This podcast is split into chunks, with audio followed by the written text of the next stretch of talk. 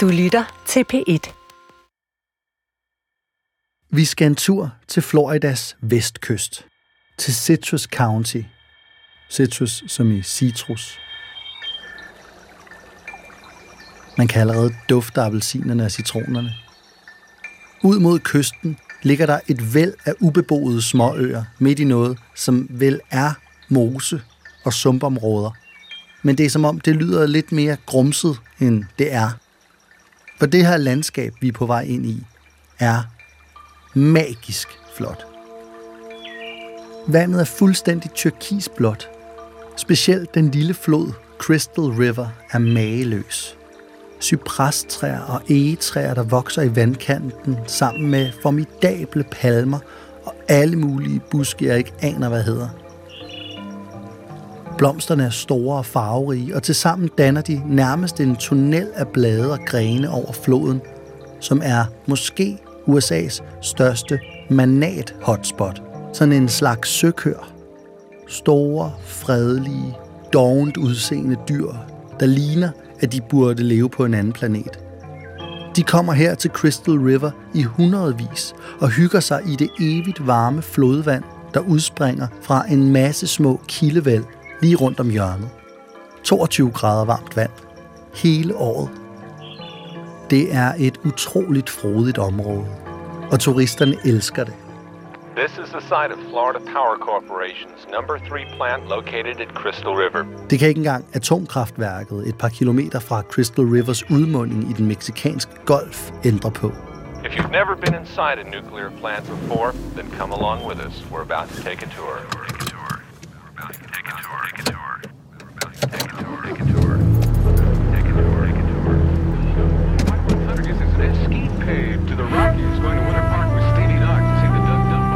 Det er den 31. maj 1992. Det er varmt, og to mænd kører på en af de mange highways, der omkranser idyllen ved floden. Forbi de flotte malede træhuse med verandaer og altaner, og de mange lækre turistlejligheder og hoteller med palmer og knaldgrønne, snorlige græsplæner. Og så kører de ud i noget, der til forveksling lidt ligner et ikke så vedligeholdt sommerhusområde i Danmark. Mændene er begge to en del af et særligt nordisk eller arisk fællesskab i USA, med Odin som omdrejningspunkt. Og de er på en lille mission. Eller, det vil sige, ham der kører bilen er mest med for hyggens skyld. Men for manden, der sidder på passagersædet ved siden af, er det hele en anelse mere alvorligt. Han kalder sig for Thor Sandhed, altså Thor Sandhed på norsk. Det er ikke hans rigtige navn. Men han har sine grunde til at gå stille med dørene. En ung mand med sideskilning og et moderigtigt 90'er jakkesæt. De stopper ved en lille sidevej, der fører ind i en trailerpark. De fleste folk her bor i en eller anden form for campingvogn. I et hjørne, lidt for sig selv, står en lidt større skurvogn af træ parkeret. Og på de slitte og halvrådne brædder, som udgør trappen op til vognen, står en ældre, rund dame og vinker til den. Vognen er omgivet af nåletræer, men solen finder alligevel vej ned mellem grene og blade og skinner i hendes hvide hår.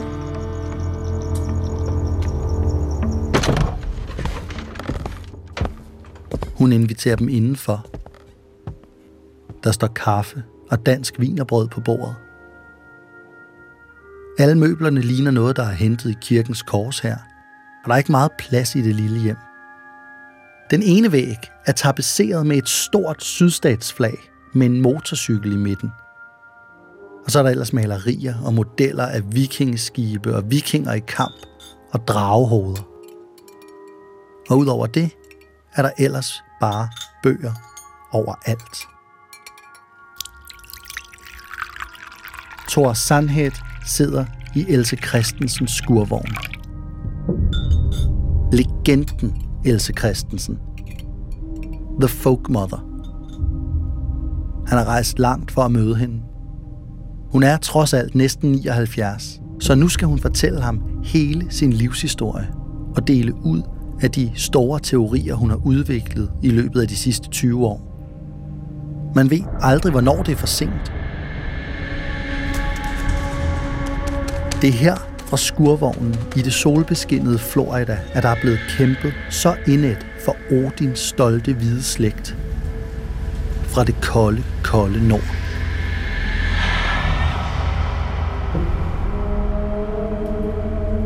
Hvad hverken Thor Sandhed eller Else Christensen ved på det her tidspunkt er, at Thor bliver en af de sidste besøg, Else får i skurvognen, og at hele hendes stille liv her ved den krystalklare flod snart vil få en ende. For imens de sidder og snakker, er FBI ved at samle et større puslespil i en sag om mor og narko.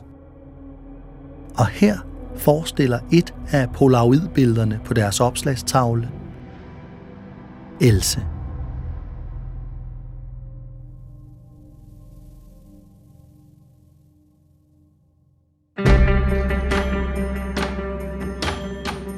Og så er rammerne sat for endnu en skæbneshistorie i De Lovløse. Vores følgetong om danske mennesker, der har levet liv ud over det sædvanlige i det store udland, lige på kanten af, hvad man må og ikke må.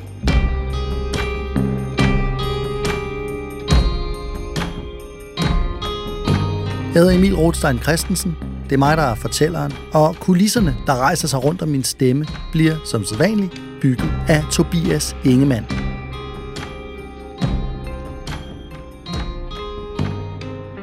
Vi starter i skurvognen i 1992, hvor Else sidder og fortæller Thor Sandhed om den gang hjemme i Danmark, da verden stadig lignede en sort-hvid stumfilm, og hvor hun endnu ikke var The Folk Mother, men bare en helt normal, lille, lyshåret dansk pige. Så hvis vi kan få Florida Trailer Park stemningen på. Tak. Øh, jeg hedder Else Christensen, og jeg er født i 1913 i Esbjerg. Mit øh, pigenavn var Oksner. Begge mine forældre var skolelærer. Min øh, far var politisk aktiv i det konservative Folkeparti. Han havde sådan noget flot, øh, blondt hår og smukke træk. Thor Sandhed har fulgt Elses skriverier og analyser af verdenssituationen i mange år nu. Men hendes fortid har alligevel altid været indhyllet i en lidt mystisk, eller måske mytisk tåge. Selv for hendes tætteste allierede. Men nu vil Else gerne snakke. Min mor kommer fra en familie af, ja, af danske bønder. De var gode mennesker. Hun fortæller ham om sin opvækst i Esbjerg. Hun er opdraget ind i et godt gammeldags konservativt værdisæt med Gud, konge og fædreland. Men der er bare det med Else, at hun egentlig ikke er specielt vild med guddelen. Hun synes simpelthen, at kirken er det kedeligste sted, hun kan forestille sig. Og hun mister fuldstændig entusiasmen, da hun skal til konfirmationsforberedelse, og i det skjulte erklærer hun sig for ateist, da hun er 15 år gammel. Det er ikke noget, farmand bryder sig om. Fordi det hele blev endnu værre for hendes konservative kristne far. For da Else begyndte i gymnasiet, blev hun også socialist.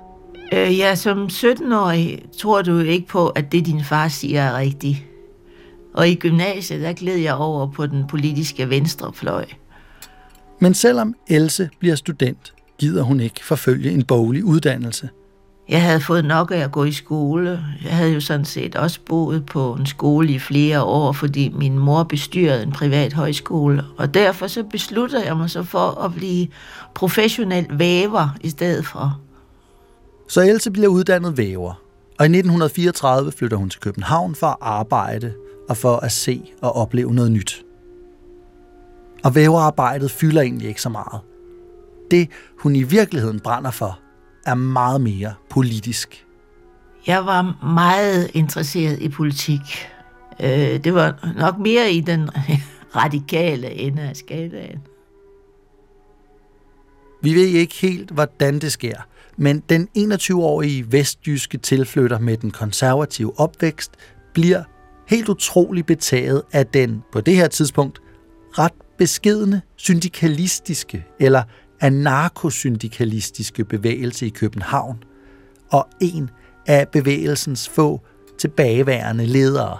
Jeg lærte en af de gamle syndikalistledere at kende, øh, Christian Christensen. Han var, han var en af de aktive aktivister. Og jeg går ikke ud fra, eller jeg forventer i hvert fald ikke, at det er alle her, der lige står klar med en definition på, hvad syndikalisme er. Så derfor så kommer jeg lige med sådan en selv her. Syndikalisme var i starten af 1900-tallet en fraktion af arbejderbevægelsen, der forsøgte at opnå bedre forhold for arbejderne.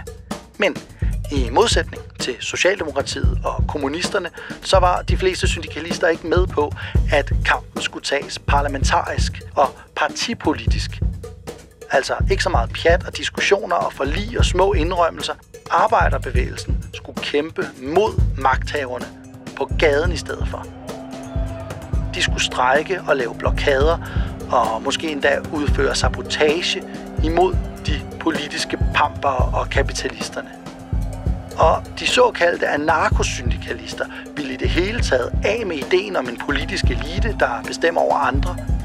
Alle skulle som udgangspunkt være lige meget med i beslutningerne, så Christiansborg skulle egentlig bare ryddes. Det er altså noget i den her stil, Else kæmper for i løbet af 30'erne.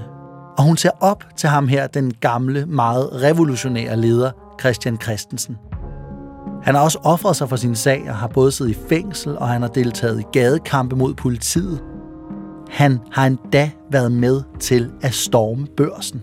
Så gik vi op og smækkede døren op ind til børsalen, og Gissemann råbte så ind i børsalen, kan I så komme ud af det i svindler og 20 knægte, og det begyndte så at prøve løs på disse her, og det vagte jo en kolossal opsigt. Og så bremser vi lige et øjeblik.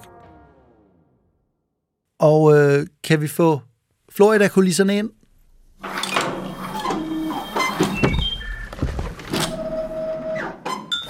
Ja.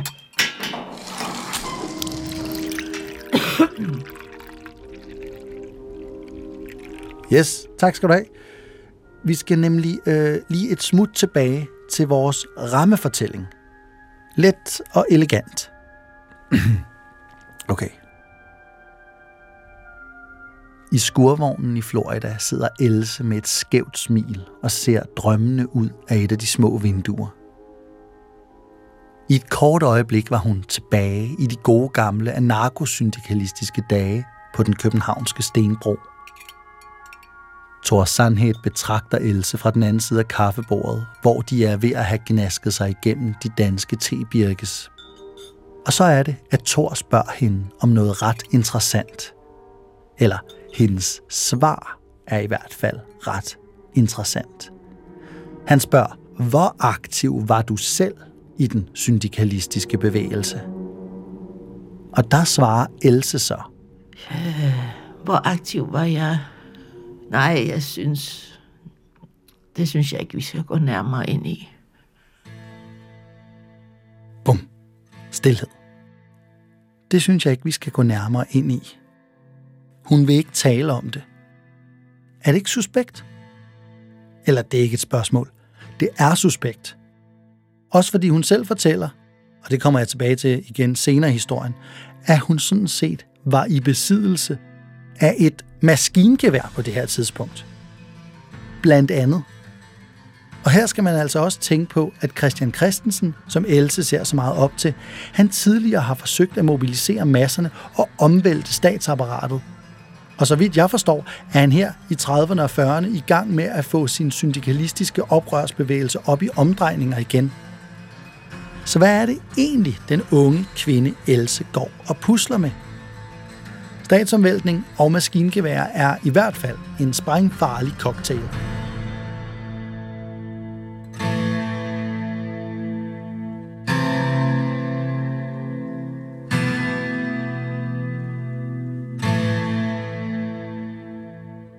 Okay.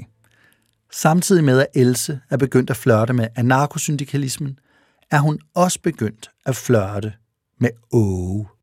En mand, der er 10 år ældre end hende. Det er blevet 1937. Og den måde, de to møder hinanden på, kunne på en eller anden måde godt lyde som starten på en muligvis ret sjov vits. en anarkosyndikalist og en nazist går ind på en bar. Og alle detaljerne her fra baren er totalt opdigtet. Det er bare noget, jeg har fundet på. Men til gengæld så skulle de store linjer være gode nok. Der er mange mennesker, og luften er tyk af tobaksrøg. Else kan knap nok se bartenderen for røgskyerne. Der er ikke noget musik, men larmen er alligevel overvældende. Det er som om alle folk derinde råber om kap. Værtshuset her er blevet et af de centrale steder, hvor den politisk aktive ungdom mødes og diskuterer de store spørgsmål til langt ud på natten. Hun kender mange af ansigterne. Det er de samme folk, som også kommer på kaffebarerne og i forsamlingshusene, når der er lidt mere organiserede diskussionsklubber. Hun går op i baren og bestiller en bajer. Og der får hun øje på ham. Han er midt i en samtale. Åge hedder han. Han har bølget, vandkæmmet hår med sideskilning, smalle øjne og et skævt smil. De har hils på hinanden før. Han får også øje på hende, og der går ikke lang tid, før de to sidder sammen i baren. Han byder hende en drink, og så drikker de dus. Og de griner, og de snakker, og snart indser de ikke alle de andre i lokalet. Larmen bliver bare et mumlende bagtæppe. De sidder der i deres helt egen lille boble. Og så kunne vi jo sige, at bartenderen får øje på dem, og at han sætter en romantisk vinervals på gramofonen, da han ser, hvad der er ved at ske med parret i baren. Og vi ser, hvordan deres ansigter nærmer sig hinanden mere og mere. I sort-hvid selvfølgelig. Men i modsætning til, hvad man kunne forestille sig ville være de oplagte ord eller emner, som sådan et ungt flørtende par ville udveksle, så bliver de to mennesker her altså draget af hinanden, imens de snakker om produktionsmidler og syndikater og basisdemokrati og folkeforgiftende litteratur og problemerne med den jødisk materialistiske ånds overherredømme, og det er der, den søde musik opstår. Og efter lidt flere stævnemøder af samme slags bliver de kærester, og så bliver de forlovet, og inden der er gået et år, er de blevet mand og kone. Åge og Else.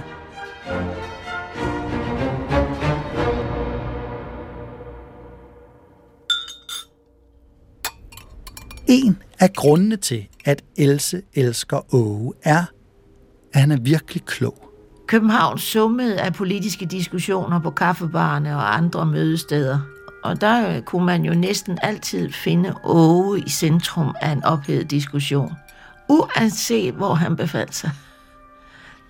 Det var Åge, der lærte mig at tænke. Thor Sandhed kigger lidt mistroisk på Else. Nu undervurderer hun altså sig selv. Hun er bedre til at tænke end de fleste, og det kan umuligt være noget, hun har skulle lære. Det er mere noget, der ligger i hendes natur. Han prøver at få Else til at fortælle lidt mere om Åge og hans idéer, og hvad de to mon lavede sammen, men hun deler ikke så meget ud, som han gerne vil have. Hun snakker om, at Åge var udlært billedskærer, at han var en dygtig amatørbokser, og at hans helt store interesse var arbejdernes rettigheder. Men Thor har ikke lyst til at presse hende. Så de snakker videre om noget andet i stedet for. Men bare fordi de gør det, behøver vi jo ikke skifte emne. For jeg synes nemlig også, at ham her Åge virker spændende. Så derfor så har jeg været en tur på det kongelige bibliotek for at læse i gamle aviser og kigge på billeder. Det er mig, du kan høre her, der klikker rundt i den gigantiske avisdatabase, de har liggende.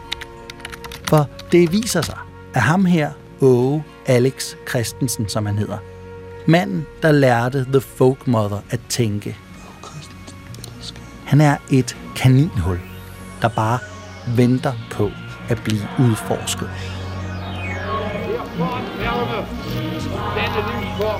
Vi starter i begyndelsen af 30'erne. De gode gamle dage, da der var fred i verden, og snapsen kun kostede 10 øre. Og så videre. Jeg har fundet sådan et gammelt fotografi. Det er fra cirka 1933 eller 34. Og billedet forestiller en flok velfriserede unge mænd i pænt tøj. Flere af dem har ridestøvler på. Og de gør honør på sådan en lidt naziagtig måde. Altså ikke øh, strakt arm i vejret, men den der lidt mere afslappede flad hånd op til tændingen med håndfladen udad. Ligesom Hitler også gør det, når alle andre hejler sådan rigtigt rundt om ham. Og det giver alt sammen god mening, for billedet her er taget til et partimøde for det danske nazistparti, DNSAP. Dansk Nationalsocialistisk Arbejderparti. Som på mange måder var en efterligning af det tyske moderparti. Ved valget i 1932 fik man 757 stemmer, og da det gik højst, fik man 43.300. Nå, men de her unge drenge står i en pompøst udsmykket sal eller noget i den dur. Men i midten, forrest, der står der også en væsentligt ældre mand. Han hedder Kai Lemke. Og han er på det her tidspunkt leder af partiet. Ved siden af ham kan man se en ung mand, der holder et banner. Banneret forestiller den nordiske gud Odins to ravne, Hugin og Munin. Det danske nazistparti gør nemlig, ligesom det tyske, en dyd ud af deres nordiske afstamning. Så der er hagekors og torshammer og Hugin og Munin. Illustrationer af lurer, vikingskibe og en runesten med indgraveret hagekors. Okay. Et eller andet sted i mængden her står Åge med 99% sikkerhed. Han er nemlig en af den danske fører Kai Lemkes loyale støtter, eller løjtnanter, som de plejer at sige. Kai Lemke her er nemlig meget militaristisk indstillet. Og han har altså også et tæt forhold til sin løjtnant, Åge Alex Christensen.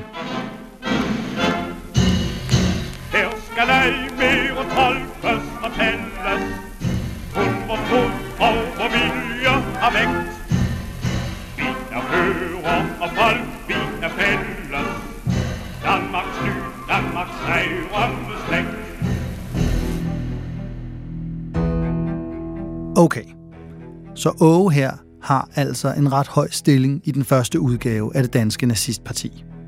Og han drømmer stort om, at partiets fører, Kai Lemke, en dag vil kunne kalde sig Danmarks diktator.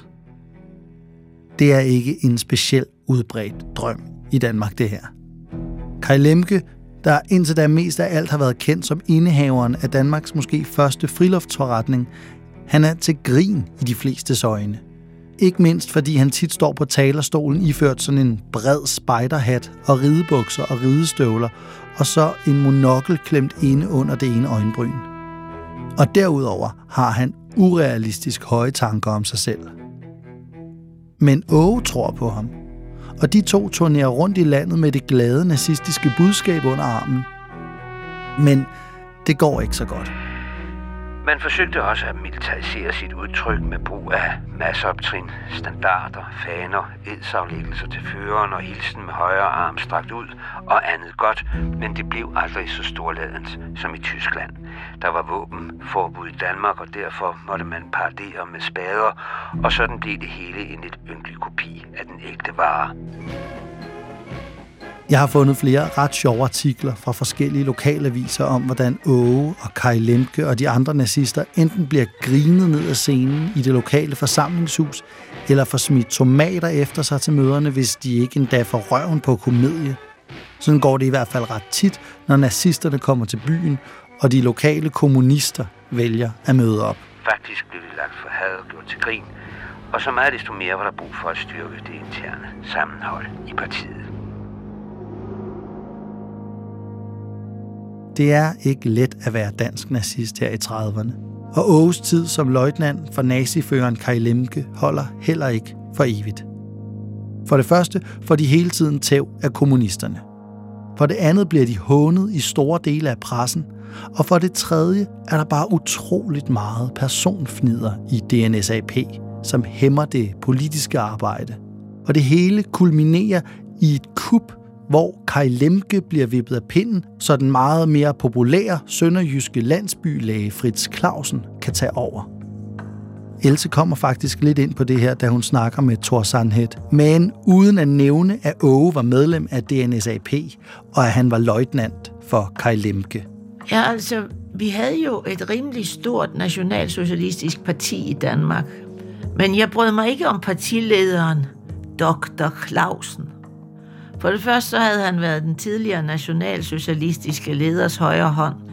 Men under et kup, så blev den oprindelige leder smidt ud – og så var det så denne her Dr. Clausen, der tog over som fyrer af det danske nationalsocialistiske parti. Jeg brød mig ikke specielt meget om Dr. Clausen, så jeg holdt mig lidt ud af den butik. Det er virkelig noget totalt råd. Og der bliver desuden også stiftet flere konkurrerende danske nazistpartier, og alle slås mod alle. Og til sidst kan jo ikke klare mere, og han stopper i partiet.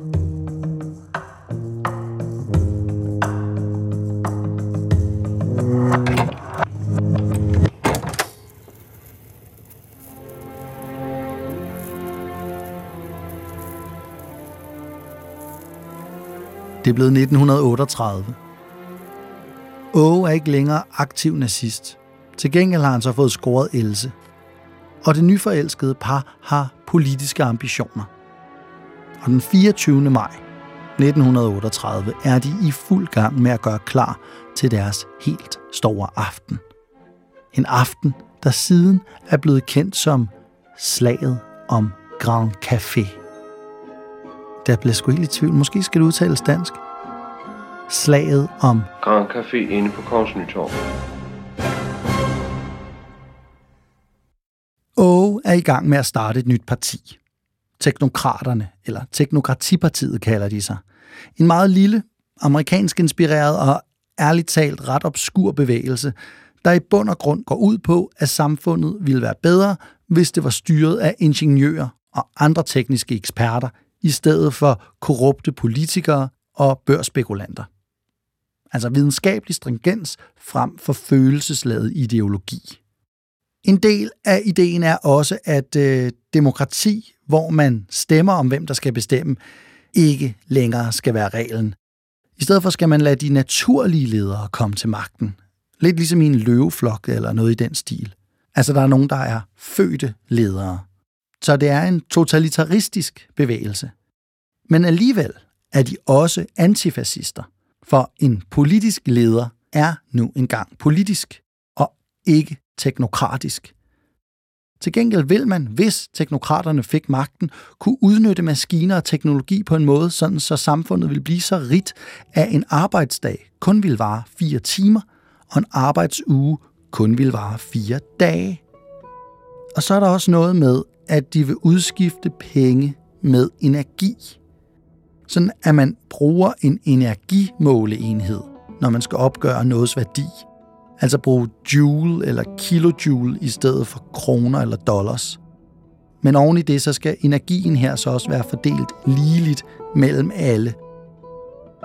Og altså, du må ikke spørge mig om, hvordan Åge er røget fra Kai Lemkes spejdernazisme over i den her grøft. De eneste ligheder, jeg kan finde, er, at teknokraterne også er antikommunister og antikapitalister, hvilket åbner døren for, at Åge stadig kan holde fast i sin antisemitisme også. Og det er jo meget smart. Nå. Denne her bevægelse står Åge altså de facto i spidsen for i Danmark. Og den her majaften i 1938 skal teknokraterne for alvor slå deres navn fast og bekendtgøre sig som partiet, der kan revolutionere samfundet, sådan at alle får det godt. Og Åge tror til synladende så meget på sagen, at han har inviteret folk fra Elses syndikalistmiljø med, men han har også holdt møder med den selvbestaltede nazileder Wilfred Petersen, om hans tilhængere ikke også kunne tænke sig at komme. Og sidst, men ikke mindst, og sgu ret overraskende, er der også blevet inviteret en del kommunister. Det lyder jo som det rene selvmord. Og det er det også. Der er mødt et sted mellem 150 og 300 mennesker op. Festlokalet i Grand Café er fyldt. Else sidder selv på en af de forreste rækker og er pavestolt, da hendes egen åge bestiger talerstolen for at forklare, hvordan teknokraterne vil udrydde fattigdom. Men desværre virker publikum ikke til at være helt så fokuseret, som han havde håbet på. Han kan mærke irritationen, der dunker i brystet. Men så kigger han ned på Else, der smiler myndigt og klapper insisterende. Det gør ham i lidt bedre humør. Han åbner for diskussionen, hvor hele salen kan være med, og træder ned fra talerstolen. Men fyren, der går på efter ham, vil slet ikke diskutere den teknokratiske løsning på fattigdomsproblemet. Han vil åbenbart bare svine nazisterne til, og det vil Wilfred Petersens nazister, som bliver kaldt for den nordiske legion, ikke finde sig i. Så nu er der en derfra, der går på talerstolen, men inden han når at sige noget, er der en i publikum, der skriger, ingen nazister på talerstolen. Og det får en anden af nazierne i salen til at puste i en politifløjte, han har taget med. Og det er åbenbart signalet, alle har ventet på. En stol flyver gennem luften og splinters mod talerstolen, og 30 af Wilfred Petersens legionærer stormer frem mod scenen. Og så går det løs. Og lad os lige se på, hvad pressen skrev om det. Her er det fra avisen Nordjyllands Socialdemokrat. Mens de kvindelige deltagere skreg af angst, opstod der et vildt slagsmål. En spejlvæg til adskillige 100 kroners værdi, som var anbragt bag talerstolen, faldt til gulvet med et brag og knustes i tusind stumper. Stoleben blev revet af og brugt som knibler. De kæmpende parter var helt desperate. Og Berlingske Tidene fortsætter sådan her. Det var som om en krudtønde var eksploderet. Stolene, som slyngedes gennem luften, knaldede lysekronerne, som man kæmpede videre i delvis mørke. Blodet flød fra de kæmpende. Ruder blev knust. Tapetet blev ødelagt. Det var det mest fuldkommende virvar. Og så er der Lolland Falsters Folketidene, som skriver, Hist og her så man en besindig familiefar tage sin kone under armen og forsvinde. Hvem der var venner og hvem der var fjender, var umuligt at afgøre i dette kaos. Kun de, der sad nærmest udgangen, kunne redde sig uden men. De øvrige var prisgivet de susende kastevågen.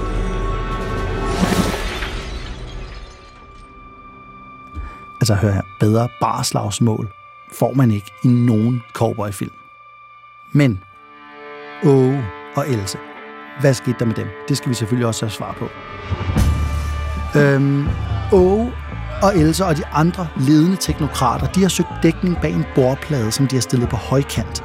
Og man forestiller sig ligesom, hvordan glasskårene fra lysekronerne og spejlet der kommer flyvende igennem luften som kastestjerner, men at bordet her, det er sådan en skjold, som de bare borer sig fast i i stedet for, sådan så Over Company bliver ved med at være i sikkerhed. Imens kommunisterne og nazisterne så giver en slags forsmag på slaget ved Stalingrad bare i miniformat. Og så, endelig, kommer politiet. Der er en del, der når at flygte med blodet løbende ned ad tøjet. Men syv mænd er så hårdt såret, at de ikke kan flygte. Så de ender på hospitalet, og politiet begynder ellers bare at afhøre alt og alle. Åge selv slipper med småskrammer, og det er heldigt, for han har nemlig slet ikke tid til at slikke sårene. Dagen efter det her store slag skal han nemlig, formentlig med en læsterlig hovedpine, møde op i byretten som anklaget i en helt anden sammenhæng. Og jeg tror sgu, jeg giver ordet til Horsens Folkeblad her. Overskriften lyder, samfundsreformatorerne er også uheldige som redaktører. Den ene af indbyderne til det møde, der fik en så dramatisk afslutning i onsdags, billedskær Åge Christensen, stod i byretten med en 20-årig forhenværende sømand, Børge Andersen, tiltalt for udbredelse af utugtige skrifter. De har begge redigeret et tidsskrift, som de kalder Sex og Samfund, og nu mener politiet, at indholdet har været af utugtig karakter. Altså, er I med på, hvor, lad os sige, øh, mangefacetteret en person det er, Else har fundet her som sit livs kærlighed og intellektuel fyrtårn. Altså det her sex og samfund, det er sådan et progressivt, psykoanalytisk inspireret tidsskrift, og det er også et af de få steder, hvor homoseksuelle bliver mødt med en for den tid sådan nogenlunde ikke fordømmende tone.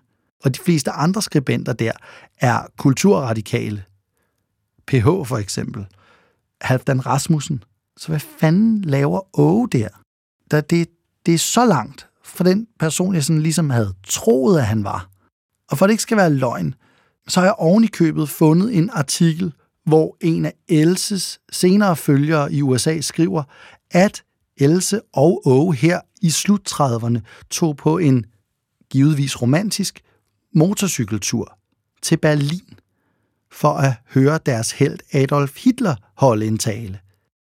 Artiklen, jeg har læst, stammer godt nok fra sådan et hjemmelavet amerikansk nynazistisk klippe tidsskrift fra 90'erne. Men ham, der har skrevet det, har altså kendt Else, så der er ingen grund til, at det skulle være løgn. Er det ikke øh, bare spraglet? Over Else. Wow. Og ved I hvad? Da Else senere grundlægger The Odinist Fellowship og bliver til The Folk Mother, er der reminiscenser fra hele det her spraglede bagkatalog med. Der er både jungiansk psykoanalyse, der er anarkosyndikalisme, der er spejdernazisme, der er teknokratisk antidemokratisme, der er Hitler-optur, og selvfølgelig alt, hvad den nordiske mytologi har at byde på. Men på det her tidspunkt er der stadig lang tid til. Det næste store, der sker, er nemlig den 9. april 1940, da nazisterne kører over grænsen i Sønderjylland, og Danmark er besat. In den Morgenstunden des 9. April landeten zum Schutze der norwegischen und dänischen Neutralität in zahlreichen Häfen Norwegens und Dänemarks deutsche Truppen. Wenige Minuten später überfliegen planmäßig Einheiten der deutschen Luftwaffe die Hauptstadt Dänemarks. Sie werfen Flugblätter ab, die die Bevölkerung darüber aufklären, dass unsere Soldaten nicht als Feinde, sondern als Freunde kommen und allein zum Schutze der dänischen Neutralität das Land besetzen. Men hvordan forholder to så politisk spralske typer som Åge og Else sig så til, at Danmark bliver besat? Det er et meget interessant spørgsmål. Og heldigvis stiller Thor Sandhed det også til Else den dag i skurvognen. Og hun svarer. Ja, vi besluttede os for at forholde os neutralt. Vi kunne godt lide nationalsocialisternes socialpolitik, men vi var jo danskere, vi var ikke tyskere. Tyskerne havde jo også selv sagt, at nationalsocialisme var en tysk ting, og ikke noget, man kunne eksportere. Så det virkede klogest at holde os lidt uden for det hele, ikke mindst fordi vi var jo kendt som politiske aktivister.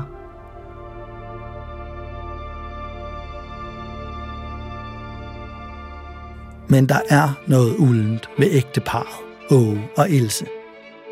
Det synes både de danske myndigheder og besættelsesmagten og nogle af de andre folk i Københavns mere radikale politiske miljøer. Og i næste afsnit, der kommer det til at handle om internering og om en form for flugt og alle de våben. Blandt andet et maskingevær. som ægteparet gemmer på. Det ikke sådan et maskingevær, siger? Det, tror jeg, altså det er sådan, at det er skrevet ned i, øh, i det oprindelige skriftlige interview. Ja. Det synes hun vist bare er Det synes jeg bare er Super super fedt.